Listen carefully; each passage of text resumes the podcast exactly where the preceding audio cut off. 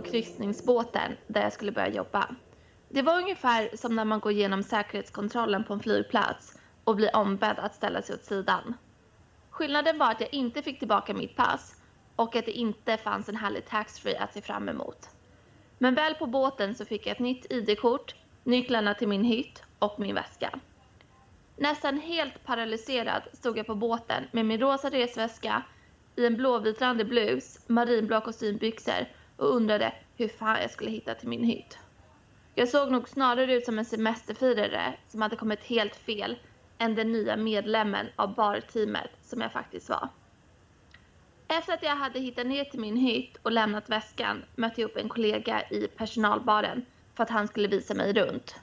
Jag kollade mig omkring på alla olika människor i sina uniformer och reagerade när jag såg den fulaste blåa hawaiiskjortan jag någonsin har sett och undrade hur man kan ha på sig något så extremt osexigt och dessutom ihop med ett par kakifärgade byxor. Tyvärr har jag ett vagt minne av de kommande timmarna.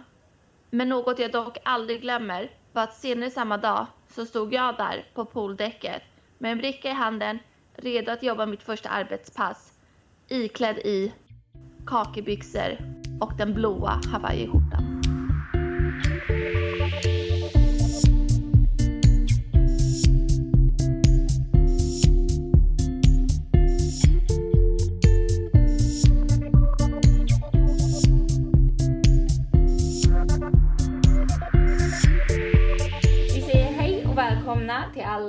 Alla poddavlyssnare, säger man ju inte, poddlyssnare som joinar oss den här veckan på avsnitt fyra av Ska vi ta en drink?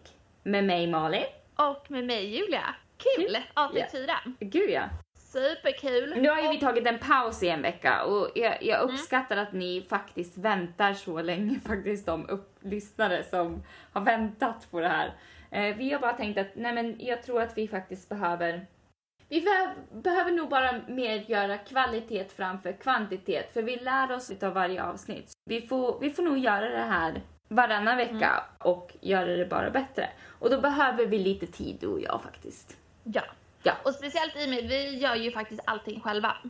Eller hur? Eh, från liksom bestämma vad vi ska prata om, manus till att klippa och liksom lägga Precis. ut allting och sånt. Så, och det är svårare än vad man har trott.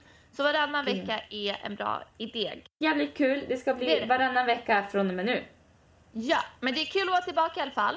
Ja. Efter det här uppehållet. Mm. Och idag så ska vi prata om någonting som både du och jag tycker är väldigt, väldigt kul. Och det är ju hur det är att jobba på en kryssningsbåt. Mm. Eh, för både jag och du har gjort ett varsitt kontrakt eh, på en sån här riktig lyxkryssare. Kan, är väl det som man betraktar det som. Men helt olika kontrakt. Det var ett års mellanrum, olika företag och allt sånt. Mm. Så vi har ju två olika sidor på det. Verkligen. Och för att då göra allt det här lite enklare så har vi tänkt att vi ställer frågor till varandra som vi helt enkelt svarar på. Ja. Men då måste ju jag ställa första frågan Julia. Nu när du har berättat lite om din första upplevelse som du hade när du gick på båten, vilket du just har berättat för alla lyssnare om, så Mm. undrar jag bara, har du kvar den där hawaiiskjortan? Jajamensan, den är kvar. Nej, är den kvar alltså? Den, ja, den är kvar. Jag har en låda hemma hos min mamma. Där jag har sparat massor, eller inte massor men en del så här minnen liksom. Mm. Och då ligger den där jävla skjortan där. Den blev dock snyggare. Utan kakebyxorna. Ja, kakebyxorna byttes ut mot kakishorts. Okej. Och skjortan tog jag till skräddaren på båten för att så här, ja, göra den lite mer liksom trevlig. Ehm, om det nu ens gick. Det är okej Julia, jag kommer ihåg också min Ja. första uniform på båten. Folk brukade skämta med mig om att jag bodde i en potatissäck för att den var så stor på mig. Så man måste gå Mm. och liksom tailor it up för att det ska Ja, för de har se ju bra skräddare på båten, det hade väl ni också? Ja, gud ja. Man har skräddare på båten så Mm. alltså allting bara ser Fixar lite de till det där. propert Man ut. får liksom. liksom göra lite det bästa av det sämsta. Ja. Så du har kvar den där skjortan alltså? Ja, den är kvar. Så är det.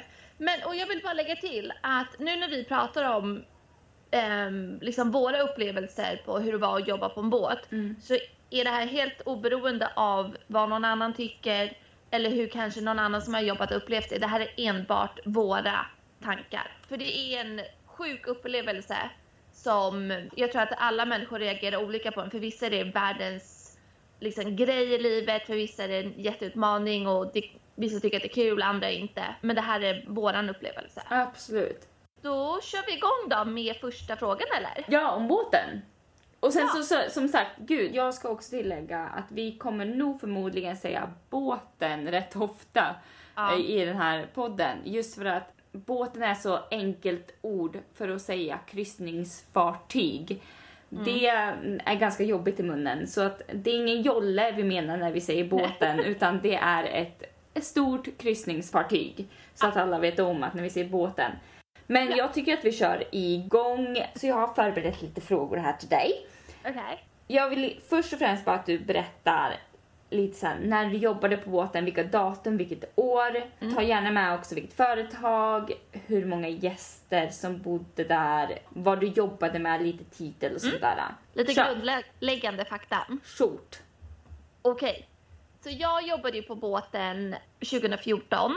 Så det var första året som vi började plugga. Så jag gick på i juli, midsommar.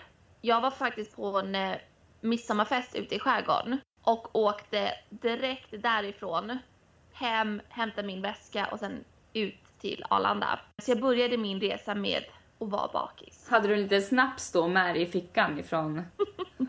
Säkert. Ehm, så från midsommar eh, 2014 och sen så jobbade jag fram till januari 2015. Åh fy fan. Ja, fy fan, bara man tänker på det så får jag ångest. Så sju månader jobbade jag. Mm. Eh, Jag jobbade på ett företag som heter Celebrity Cruises och det är en del av Royal Caribbean som kanske är mer känt för många. Men det är ju Eh. verkligen det som folk säger när man jobbar på en kryssningsfartyg. Antingen Mm. Jag tänker de den klassiska. Ja, antingen Mm. tänker de Viking Line eller så tänker de den stora Royal Caribbean, den här gigantiska liksom. Precis. Och där var jag. Eh, vi hade ungefär 2000 gäster. Så Mm. den var ju inte gigantisk, men det var ett mellansize. Och det var ungefär 900 till 1000 crew som jobbade. Jävlar. Och jag jobbade som barserver, vilket innebär att man helt enkelt går runt på båten, överallt på båten och säljer drinkar. Ja, Mm. det var mitt jobb. Och vart vi åkte. ehm, så första delen, mitt kontrakt kan man säga är uppdelat i, i tre episoder. Så först åkte vi mellan New York och Bermuda.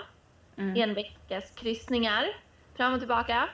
Sen under hösten så åkte vi från New York eh, till Quebec som ligger i Kanada. Så då åkte man liksom hela östkusten av USA. Ja. Um, vilket var rätt härligt. Det var två, ja, de kryssningarna var två veckor. Medelåldern var typ 70.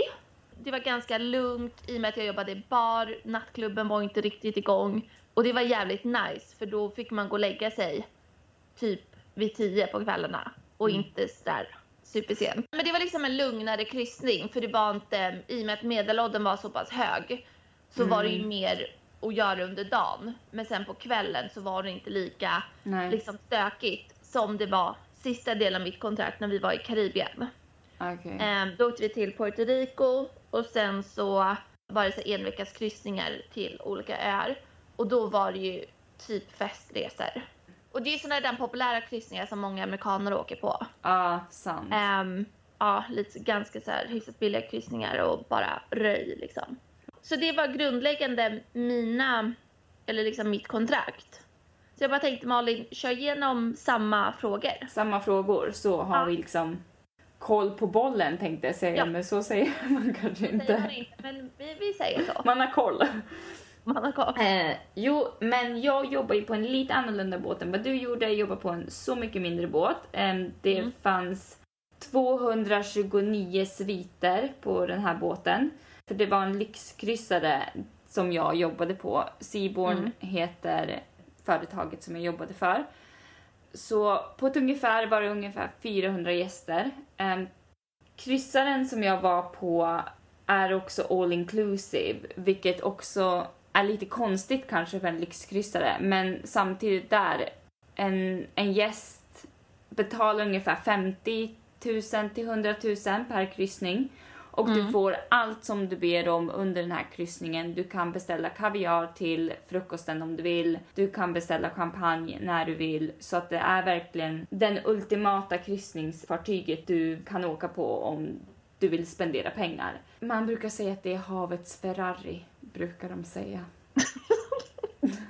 Förstår du? Vad härligt för dig Malin.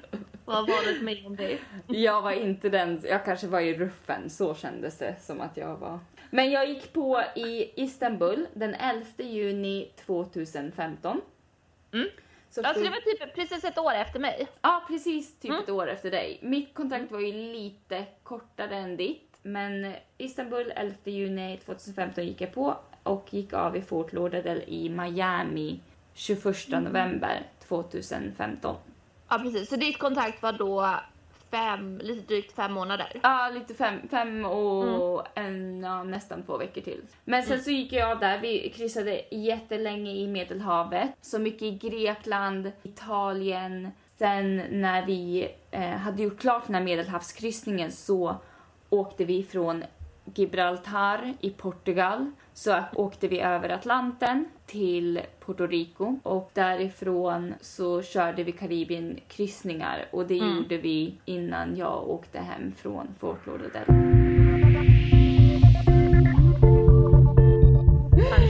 Men vi kanske bara ska köra rakt in i frågorna. För jag tror att Mm. du, både du och jag har lite olika upplevelser. Just för att ni förstår att vi har jobbat på ganska olika sorters båtar. Ja. Så hur bodde du och bodde din hytt? Vart bodde du någonstans Julia? Ja, det är ju bara hyttar på båtar Malin. Eh, nej, men ja, jag, vi hade slita Julia, som jag Ja, säger. just det, förlåt. Du var ju på Ferrarin där. Ferrari. Nej men precis, man bodde i en hytt. Ja, man flyttade runt ett par gånger. Men så det var en hytt eh, under havsytan. Eh, så några fönster var det liksom inte riktigt tal om. Eh, det var precis över motorn, vilket var sjukt irriterande för det var varje gång båten skulle åka iväg så lät det som satan. Men hytten var, kan det varit typ 8 kvadratmeter? Ja, den är inte större än så, absolut inte. Nej, väldigt, väldigt liten. Ja, den är liten. Ehm, så, alltså våningssäng. Ehm, jag delade med um, en tjej från Serbien. Vi är fortfarande vänner, vilket är kul. Vi bod, liksom, det var som ett så block där vi bodde. När man gick ner så var det som en fyrkant. Så var alla hytter ja, runt den här fyrkanten. Mm. Och våra grannar var fyra indiska killar som drev en frisörsalong utanför hytten. Vilket var rätt spännande. Ja, jag Eh. faktiskt tänkte fråga dig Julia, körde du någon sån här frisör appointment någon gång? Ja, men jag, jag klippte mig en gång på båten. Ja. Dock inte hos indierna. De driver ju också en frisörsalong i korridoren hos oss. Ja. Ja, som diskar och sånt där vill ju tjäna mer och mer pengar så till slut så öppnar de sin egen business där också. Mm. Ja, sjukt Så- kreativa människor faktiskt. Ja, precis. Hur bodde du då Malin? Alltså precis som dig. Jag kom ju ner där också i under jorden kändes det som. Man åker ju verkligen under vattnet. Mm. Första gången så bodde jag med två andra personer. För det är alltså på åtta kvadratmeter och bo tre pers. Du får ju absolut inte vara känslig för ljud när du Nej. jobbar där. För alla jobbar i skift och när du går upp så går någon annan och lägger dig. Så du måste vara verkligen acceptabel. Jag kommer ihåg folk hade ju fest i våran kabin och jag somnade fortfarande. Det gör du bara. Du Ja, måste precis. och sova. väggarna var ju inte jättetjocka till grannen heller. Nej. Tyvärr. Nej. Han bara jaha, nu har han skaffat tjej, helvete. Helvete. Så var det. Sen så var det, det bästa var när man fick en rumskompis som själv ville ha våningssängen som var ovanför en. Ja. Men, men det är lite sådär djungelns lag att är man först på plats då tar man liksom den undre delen. Ja. För att kliva upp på den, alltså den där och sen när båten liksom, när man är ute och åker så gungar båten. Det har ju hänt att folk så har ramlat ut Ja. från där. Så man vill kanske inte ta den risken. Nej, jag sover under slafen. Ja, jag, jag sov ju över slafen eh, någon Mm. gång, men annars så sov jag under flaschen. Och det var någon annan som bara, jag tar över sängen. Jag bara, do it, be my guest. Och det var jag också, tänkte på det Malin, eller hade ni så att under slafen, där kunde man sitta i sängen. Mm. Ja, man över böjde sig lite var mer. mycket kortare så var man tvungen att så här, Ja, precis. Man sig får- mycket mer. Vi Ja. satt ju ofta på golvet och hade, alltså du vet, gathering, så satt man ju på golvet hela tiden. Ja. Ja, det gjorde man. Eller jag hade aldrig någon gathering i min hytt alltså. Nej. Nej, ja, det var jag som anordnade partyhitten då. då. Ja.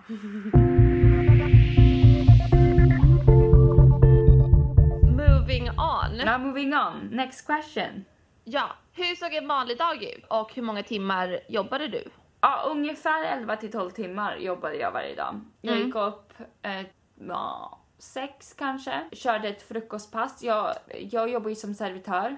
Sa jag det Mm. första delen? Nej, jag tror att du missade det. Jag jobbade som servitör, så Mm. jag jobbade som waitress och först, vad jag alltid gjorde var att gå upp till frukostserveringen. Sen så får du en liten vila på någon timma, sen är det lunch. Ehm, och Mm. där var det lite så annorlunda. Antingen så jobbar du i buffén eller så kunde du jobba i någon restaurang eller så kunde du eh, vara en liten städare efter passet. Det var lite så här, bara de behövde dig under den kryssningen plockade de ut dig så. Den sista delen av mitt kontrakt så jobbade jag i buffén och gjorde köttcarving. Jag var expert på att carva kyckling. Alltså, det är så kul att du kan karva liksom. Ja, jag kunde carva. Jag har till och med carvat Ja. en suckling pig liksom. En liten spädgris. Ja. Vi får köpa en kyckling så får du karva den. Nej men jag kan, det var, det var 2015 Julia. Det är liksom fem år sedan. Jag kan ju fortfarande servera en drink, förstår du? Men så det var ju lunchen och sen så på middagen så, ehm, så kom jag ju tillbaka. Så allt som allt så blev det ju 12 timmar när man sen gick av sitt pass klockan ja, 10, 10, 11 på kvällen. Sen hade jag en gång i veckan lunch off. Alltså att du Ah. har lunchpasset borttaget. Så en gång i veckan så behöver du inte jobba lunchen. Men annars så jobbar du ju varje dag och jag jobbar ungefär 11 till 12 timmar. Hur jobbade du Julia? Hur jag jobbar? Nej men det var väl alltså, ungefär lika, bara det att jag jobbar inom bar. Så mitt var ju förskjutet några timmar. Men oftast så började jag typ runt klockan 10 på förmiddagen och jag jobbade i en lounge. eh, Där alla som typ bodde i sviter och sånt fick vara. Mm. Vilket var rätt skönt för då jobbar jag själv så slapp jag socialisera med mina kollegor. Eh, lite svårt att anpassa det. Ja, och då jobbade jag ett par timmar. Liksom satte upp baren och ja, var där under dagen. Mm. Och sen så hade jag alltid ungefär 3 till 4 timmars break på eftermiddagen. Och det var typ då jag tvätta håret, sov. Ja, om jag ville gå av båten så kunde jag göra det.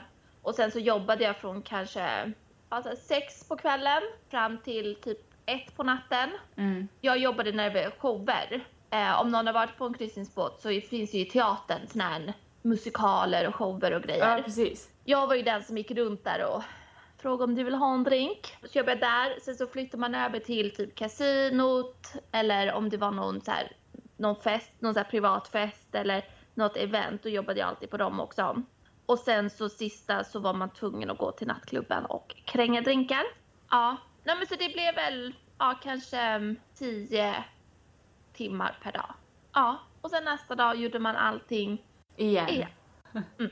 Nej, alltså förstår du? Och då tänker jag så här att det kopplas ju lite till liksom vad var det jobbigaste fysiskt och psykiskt för dig? Mm. Ja, ehm, alltså hela kontraktet från att du sätter dig på planet och ska åka känner jag är ganska psykiskt påfrestande för att det är sån annorlunda miljö. Mm. Och absolut är det fysiskt påfrestande för att du jobbar varje dag i, i snitt ett halvår och du får inte en dag ledigt. Och det är fysiskt påfrestande. Ja. Men oftast är det ju psyket som måste förstå att du klarar, alltså du klarar av det, du gör det. Jo, det Eh, gör man ju absolut. Men det är ju alltid det psykiska som, som spökar runt och att det blir Mm. jobbigt i en ny miljö. Du kommer inte därifrån. Mm. Du ska upp igen, göra samma sak, se, varen, se samma gäster igen, se samma kollegor igen. Och det är ju psykiskt påfrestande också. Det är en väldigt extrem miljö. Mm. Ja, det tyckte jag nog också. Alltså, för det, man kände liksom att det tar aldrig slut. Det Nej. tar aldrig slut och det är bara varje dag man ska gå upp och just att både du och jag jobbade i service så då ska man ju också Le. le, vara alert, ta hand om andra människor, se till att de har det bra, att de har det kul. Och sen så bara är man så jävla miserabel för att man är så trött och sliten Ja. och bara jag vet och jag trivdes ju inte riktigt heller. Har du någon sån här dag som du känner det här var absolut den, alltså, ja helt enkelt den sämsta dagen på ditt kontrakt? Nej men jag har en dag mm. um, som jag kommer ihåg, vilket var alltså både den bästa och den sämsta dagen. Okay. För jag hade ju mitt schema så som jag berättade. Mm. Och eh, sen så fick vi en ny barchef och han var lite sådär men jag vet inte, han var liksom så här oskön och jag var den enda svensken och folk hade ganska mycket så här konstiga uppfattningar av mig. Att, för i början så sa jag att jag var där för att jag pluggade i Schweiz och det här var min praktik. Um, och det uppskattades inte av så många för då undrade de vad fan jag hade där att göra. Mm. Men sen så lärde min rumskompis mig, hon bara Julia, säg att du är här för att tjäna pengar. Så det gjorde jag. Och då blev mm. jag liksom lite mer accepterad för då var jag en del av gänget, att man var där bara för att tjäna pengar, kränga drinkar och jobba liksom. Mm. Men ja, så vi fick ju då en ny barchef och han var så jävla oskön. Så utifrån liksom det schemat som jag hade så la han till ett till pass till mig på morgonen i liksom frukostcaféet där jag skulle här, servera kaffe och sånt. Så utifrån allt annat jag gjorde så hade jag de här två timmarna typ mellan halv åtta och halv tio tror jag. Där jag skulle göra det. Och det pågick liksom vecka efter vecka efter vecka. Och jag bara, när fan ska det här ta slut liksom? Och det var så psykiskt påfrestande för då fick jag aldrig, alltså jag hade, jag var den enda, eller en av få som aldrig gick av båten. För jag hade ju aldrig någon tid. Mm. Folk hade ju liksom, ja, några timmar här och där. Men jag hade typ inte det för att jag fick aldrig den där en gång i veckan där, där man fick ledigt. Ja, så då var det en dag i alla fall. Eh, jag, var så, alltså jag var så trött och bara så sliten att jag, ja men du vet man bara tappade lite. Så hade jag varit i vår crewbar som är där liksom personalen får vara där man köper asbillig sprit. Hade varit där eh, kvällen innan och sen så nästa dag så försov jag mig lite tyvärr. Mm. Um, jag var lite bakis så ja, jag... Det där med försova sig är inte så lätt där, för de, de hittar dig. De hittar, de hittar dig. Ja, men det är liksom en big deal att försova sig. Ja. Så det hade jag gjort, så jag skyndade mig upp, alltså vet så här, alltså panik. Men i och med att jag jobbade i baren, jag var ju liksom lite överallt så det var ingen som riktigt hade koll på vart jag var. Mm. Så skulle jag vara eh, vid poolområdet, det var så jävla varmt, solen bara gassade i Karibien. Och jag var bakis och bara så här, ah för fan, så då gick jag och satte mig i en kyl, en sån här walk-in kyl och mm. åt lite bär och tyckte synd om mig själv. Och sen så ropade min chef eh, på mig och då tänkte jag bara nej, nu, nu får jag sparken. För jag förstår mig. Men man oroar sig alltid för det där, för det, ja. det kan gå jävligt fort alltså. Ja, precis. Det, de har inte jättemycket mercy med en där. Nej. Utan har du gjort fel har du gjort fel och då är du gone ja. nästa dag. Precis, så jag kravlar mig ut från den där kylen där jag hade gömt mig. Och så pratade jag med min chef och då trodde jag att han skulle ta upp det att jag hade försovit mig. Och han bara, du Julia, jag bara, ja. Vad fan ska du säga nu? Han bara, du jag vill bara så här, jag har kollat igenom ditt schema. Du har inte haft någon ledig tid på så här, två månader. Så han bara, så vet du vad, jag stryker det här morgonpasset för dig. Bara, som har liksom varit det som har gjort att du inte kan göra någonting. Ja, han kände väl lite med mig. Plus att han bara, jag har hittat en person som tar ditt pass en gång i veckan. Och den dagen börjar du vid sju på kvällen. Oh alltså förstår du? God. Alltså det var ju som en dröm. Från att man tror att man ska bli sparkad för att man först har försovit sig och sen sitter och myglar i en kyl bär. Tills att man får den bästa nyheten som man har, ja, alltså, typ någonsin har hört. Vi tänkte förklara hur en crew drill funkar och vad det är för någonting. Och det är helt enkelt när man är liksom som gäst på en sån kryssningsbåt så måste du gå igenom en säkerhetsrutin så att man vet om något skulle hända så har alla gäster sin specifika plats där de ska gå till. Bara för att man då ska kunna räkna alla och veta att ingen saknas. Och det är ganska sådär enkelt i första dagen på kryssningen. De behöver liksom inte ha någon flytväst eller någonting utan de går bara till sin samlingsplats, får lite information om in case of emergency, vad de ska göra. Men sen, det som kanske inte alla vet, är ju att ett par dagar in på själva kryssningen så har man ju en så kallad crew drill för de som jobbar där. Och det är exakt samma sak, att man går igenom säkerhetsrutinerna. Så det har man ju varje kryssning och då går det till att man vet vilken dag det är och ungefärlig tid. Vi hade, oftast har man ju på liksom förmiddagen, morgonen. Mm. Och så väntar man på att det ska komma några signaler och då är det en viss signal som låter bara där alla som jobbar där bor. Då måste man ner, hämta sin flytväst och gå till sin position då där man ska vara. Och vissa har ju så speciella uppdrag, kanske du hade. Jag hade inte det. Jag gick ut på däck och så stod man i led, typ som ett militärled. Och så stod man bara och väntade på att alla de som ska göra sina säkerhetsrutiner gör det. Och sen så ropar de upp allas nummer då, att man är ju ett nummer som man har på sitt ID-kort. Mm. Och då ska man bara liksom upprepa det numret så att de vet att du är där. Ja. Så det gör man. Man har ju en, en form av duty, för du har ju bara så Ja. många personer på en båt som kan rädda dig i en emergency. Så du har ju någon form av syfte, oavsett om det är att bara stå där du är så är det ett syfte.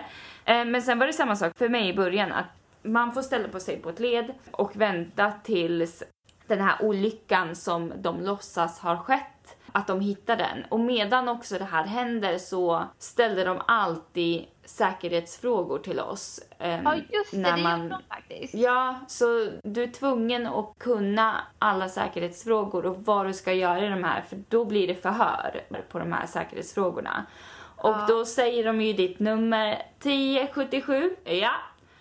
Vad gör Ja. du om en brand uppstår i din närmaste kabin bredvid din? Då måste Ja. du veta vad du ska svara på där.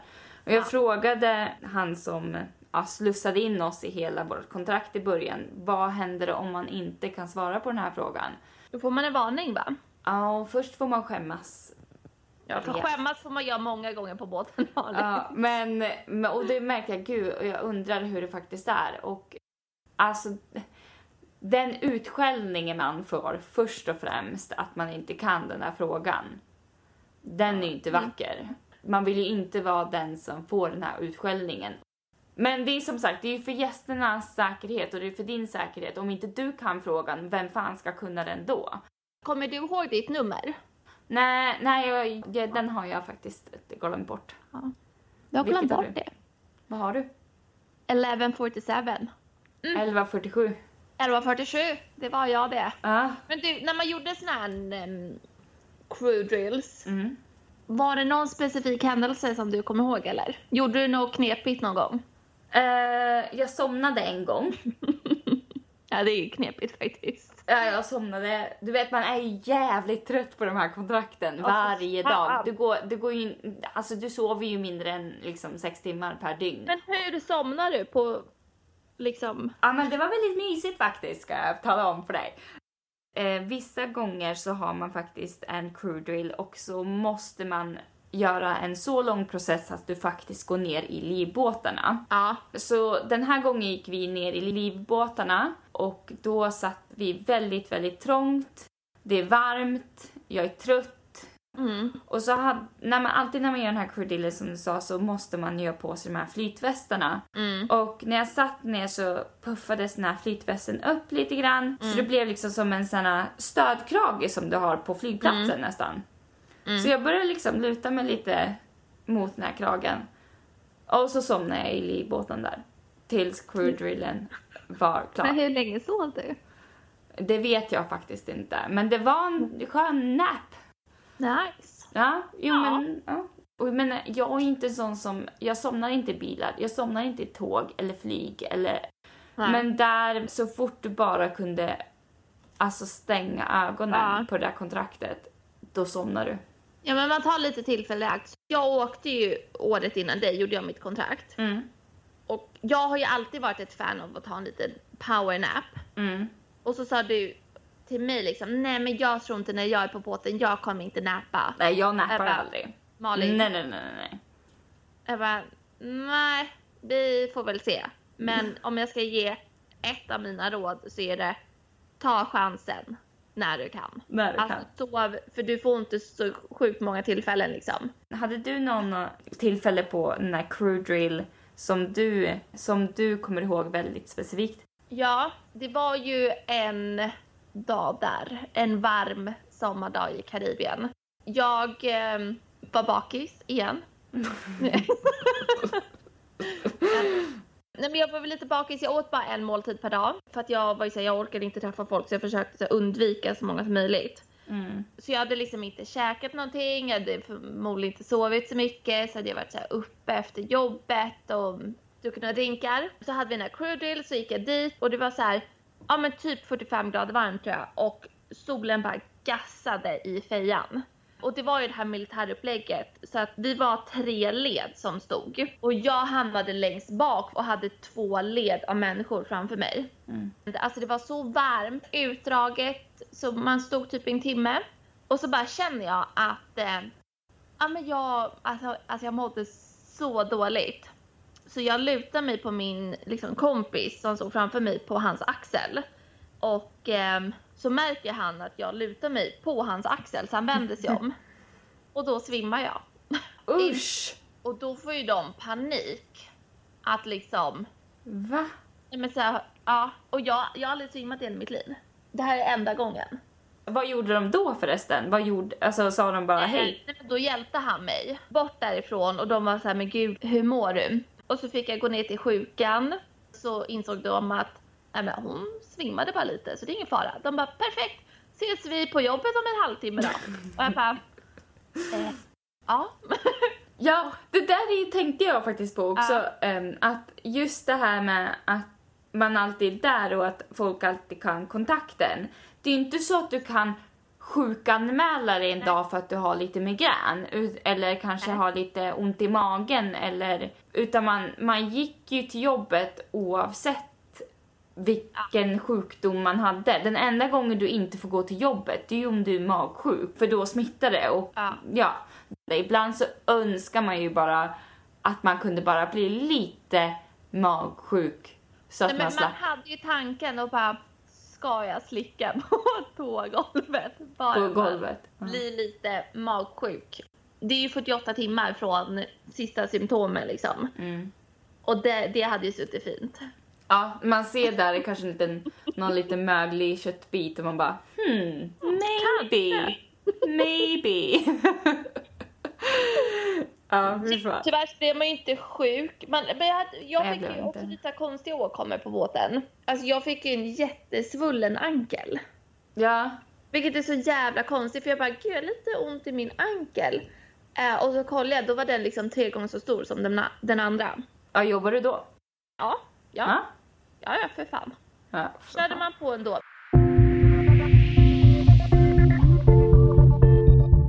Men jag tänkte så här lite Julia nu när vi har pratat lite om våran upplevelse. Eh, Ja. Så. Jag har bara några så här frågor till dig som, som du kanske inte visste att jag skulle ställa dig. Nej, kör på Malin. Alltså, du firade ju jul på det här kontraktet. Ja.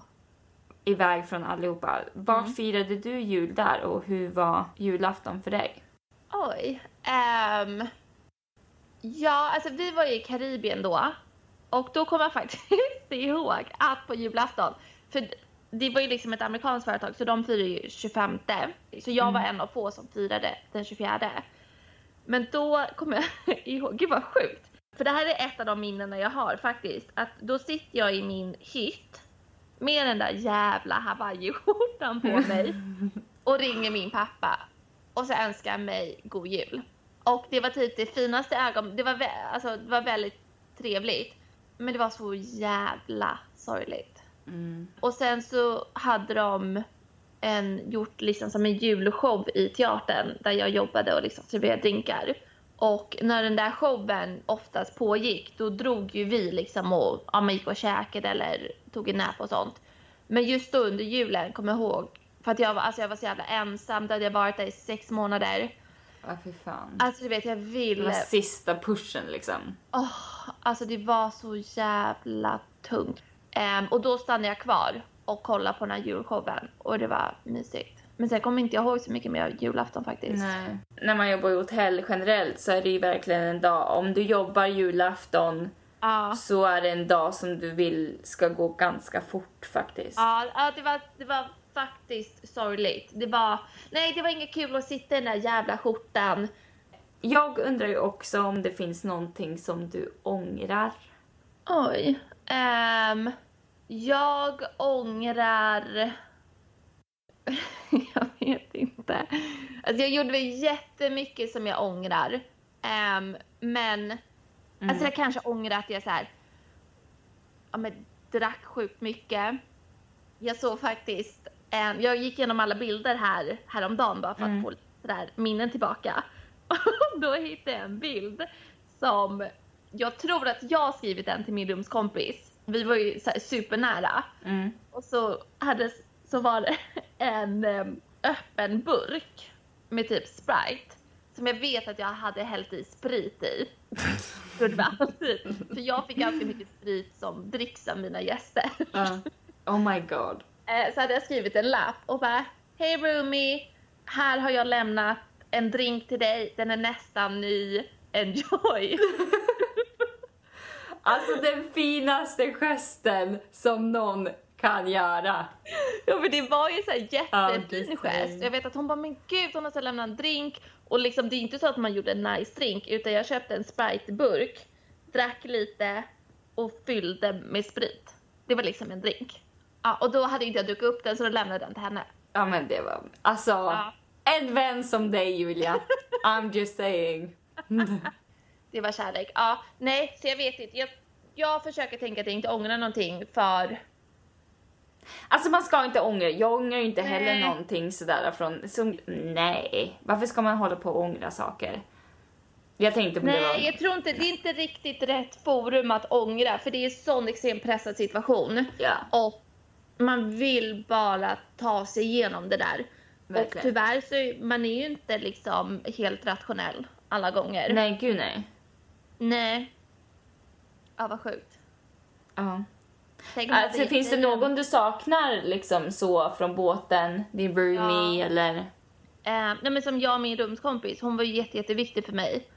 För hon började sitt kontrakt typ tre månader efter mitt Mm. och då bodde jag själv ett tag och jag hade liksom inte, för jag höll på att flytta till olika hyttar och så bodde jag i den som vi var i längst. Och jag hade inte packat upp min väska och jag hade liksom inte städat. Jag var bara helt så traumatiserad och typ sket i det liksom. Och sen så när hon kom så bodde vi ihop och då sa hon det, hon bara Julia, det här är vårt hem nu. Ja. Och det var så viktigt att man inser att där man är, det blir ens hem. Och då var vi uppe hela natten och bara städade. Jag packade upp min väska. Vi gjorde det till vårat hem. Och Ja. sen så var vi liksom bästa kompisar fram tills att jag åkte hem. Och vi har fortfarande kontakt. Åh. Ja, så hon var jätte, jätteviktig för mig. Kör dina tre frågor till mig. Fråga nummer ett. Hur såg du på hierarkin som var på båten? Oh god. Hur Ehm, blev du liksom behandlad utifrån den? jag som svensk och blond Mm. och liten och tanig känns det som ibland upplevde sån här besserwissern som absolut, absolut inte kommer att klara av det här kontraktet. Hon kommer aldrig palla Mm. att vara här en sekund. Och det var så som folk såg mig. Men sen när, de, när jag fick lite bevis på vem jag var så, så fick folk mer respekt för mig. Man märker ju fort att man är på botten när man börjar. Mm. Även fast jag har jobbat mycket i restaurang innan så skiter de i vad du har gjort för erfarenhet innan du står där och polerar dina bestick till att du har bevisat att du kan någonting annat. De som sitter över dig i hierarkin, det syns att de gör det och de uppför sig som att de gör det. Jag kommer ihåg också en gång då jag försökte bara komma upp i den här hierarkin lite, lite snabbare för jag kände fan nej men jag kan mer än att polera glas eller flytta disk till potwash. Så jag tänker jag går till en gäst som håller på att vinka lite fint att han ska Han vill beställa och jag kommer för fan ta en beställning. Det är väl inte så Ja. svårt. Så jag går fram till den här gästen och ska ta den här beställningen. Två stekta ägg ska han ha. Perfekt. Två stekta ägg. Skriver det på våran beställningsorder, lägger in i köket och han får sina stekta ägg. Men någonting har hänt med den där ordern och han är så besviken på sina ägg. Det är det värsta han har fått. Och det är inte hans fel. Och det är Nej. inte kockens fel, utan dens fel det är det är jag som har tagit beställningen. Ja. Sen vet inte jag vad felet var, men då är jag den första som rycker tillbaka ner i poleringsstationen igen. För då står min chef framför mig och säger She. She is useless. Så då får jag bara gå därifrån. Ta mitt pick och pack och hej. Och that's it. Det var min, mina steg mot den högre hierarkin. Det går fort upp, men det går också jävligt fort ner. Om du gör någonting fel, då står du där och polerar bestick igen. Oavsett. Mm. Men Ja, sen så gick det jävligt fort. Jag började polera bestick och sen så i slutet av mitt kontrakt så jobbade jag i deras fine dining som en servitör. Ehm, och det gjorde jag på Mm. ja, fem månader. Så det går väldigt fort i hierarkin men den syns och den är Ja. påtaglig. Mm. Vad är du mest stolt över under ditt kontrakt? Att jag klarade av det. Ja. Det är sant. Det är jag också mest stolt över, att man faktiskt klarar av det. Att tilläggas, det var ju många på vår skola som tyckte att det här lät skitkul efter vi hade jobbat på båt. Men det var ju, än idag så är det bara du och jag som har fullföljt ett kontrakt. Alltså! Jag vet. Och det är Virtual high five! Yeah. Ja. Sen vill jag bara avsluta Malin, alltså jag kan inte hålla mig. Va? Vem är egentligen supersommelieren? Alltså man får ju lite så här. Man blir lite knäpp i hjärnan när man är på en båt och um, oavsett vart man är någonstans så hittar, försöker man väl hitta sin nästa partner här i livet. Uh, hashtag jag är fortfarande singel. Um, men supersommelieren var ju han jag dejtade. Och det var faktiskt, alltså man blir så himla attached till um, Ja. till förhållanden på en sån extrem nivå också. Mm. Ehm, och vi dejtade ett tag den här supersommelieren. Han var ju en sommelier då. då. Vi dejtade ett tag och det var det är också en heartbreaking moment för jag trodde att jag var kär. Jag trodde att jag var riktigt? förälskad i den här personen. Och sen slutade han sitt kontrakt och åkte hem nästa dag. Ja. Och då fortsätter ju ditt liv på båten och han Ja. åker hem. Så det är det jag menar. Att man- jag var jätte, jätteledsen då, men sen så ska du stå där 45 minuter senare eh, med gråten i halsen och du ska fortfarande servera någon annan sin, sin frukost.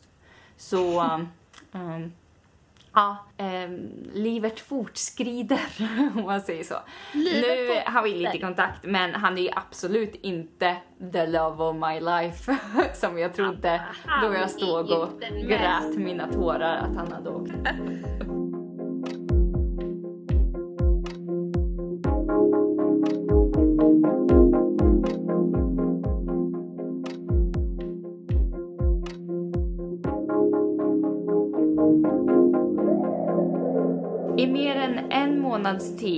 hade jag vaknat upp och det första jag gjorde var att kolla på almanackan på väggen och med pekfingret räknat ner dagarna som var kvar på kontraktet. När jag nu vaknade upp behövde jag inte räkna ner längre. För idag var dagen jag skulle åka hem. Efter fem och en halv månad på kryssningsfartyget vaknade jag upp en sista gång i den hårda våningssäng som snart skulle tillhöra någon annan. För nästa gång jag somnade om skulle det vara i min egen säng. Men ingen går av fartyget utan att göra sina allra sista jobbtimmar. Så på med den beiga skjortan, den svarta kjolen och de sista nylonstrumpbyxorna som jag ägde. Och mot frukostserveringen. Mitt leende har nog aldrig varit så stort under hela mitt kontrakt och till och med gästerna unnade mig tanken att jag nu skulle åka hem. Timmarna blev minuter tills den sista gästen hade gått. Då stod min chef framför mig och log. Ska du inte stanna en kryssning till då? frågade han. Jag skrattade bara och ruskade på huvudet. Att stanna en vecka till i Karibien var den värsta tanken där och då. 45 minuter senare satt jag i den minibuss som skulle ta mig till flygplatsen. Då hade jag hunnit säga adjö till alla mina vänner, packat min väska, städat min kabin, bytt om, dragit i mig två glas champagne och slussats ut från båten genom att lämna tillbaka mitt crew-ID och få tillbaka mitt pass som jag inte ens sett röken av på fem månader. När jag satt i den bussen på vägen till flygplatsen var den enda tanken jag hade att jag skulle få träffa min familj igen och att jag äntligen skulle få sova mer än sex timmar per dygn. Men i mina tankar idag finns fantastiska minnen från magiska platser, livslånga vänskapsrelationer och en starkare självkänsla som jag aldrig haft tidigare. Det var en underbar, tuff, galen och utmanande resa som jag aldrig kommer ångra, men aldrig kommer att göra om.